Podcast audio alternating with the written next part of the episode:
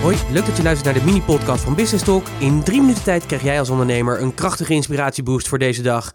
En de boost die ik je vandaag wil meegeven gaat over luisteren, luisteren, vragen. Luisteren is eigenlijk een van de moeilijkste kwaliteiten ja, die je kunt hebben of kunt ontwikkelen. Ik weet niet hoe je het moet benoemen, maar het is gewoon heel erg moeilijk iets om te doen. En de reden heel erg simpel is dat wij als mens geen onbeschreven blad meer zijn.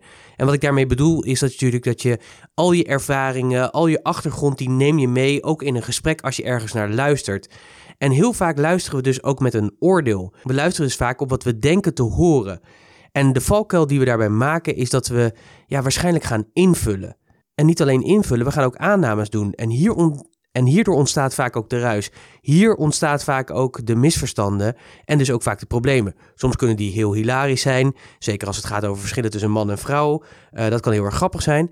Maar als ondernemer tussen je klant wil je dat eigenlijk natuurlijk voorkomen. Want je wilt natuurlijk zo goed mogelijk luisteren naar je klant. Ik zelf vind dat vaak ook wel lastig hoor. En de reden voor mij is dat, dat ik heel erg snel denk. Dus als iemand halverwege zijn zin is, dan zijn mijn hersenen al gewoon ja, tien zinnen verder bij wijze van spreken. En dan vullen die dus al in waar we waarschijnlijk naartoe zullen gaan.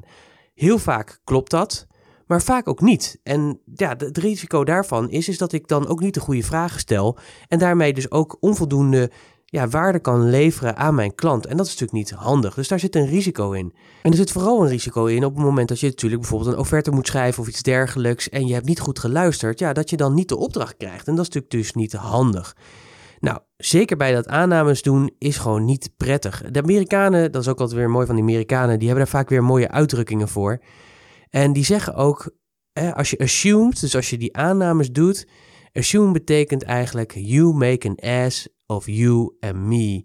En dat is precies wat het is. Dus de, de kunst is vooral om heel erg goed te luisteren. Niet alleen te luisteren, maar ook je ego en alles uit te zetten en door te luisteren ook juist de goede vragen te stellen. En dat is ook een kunst op zich. Stel de goede vragen. Stel dus ook de vragen die het verduidelijken of die juist de bevestiging geven, zodat je aanname ook getoetst kan worden.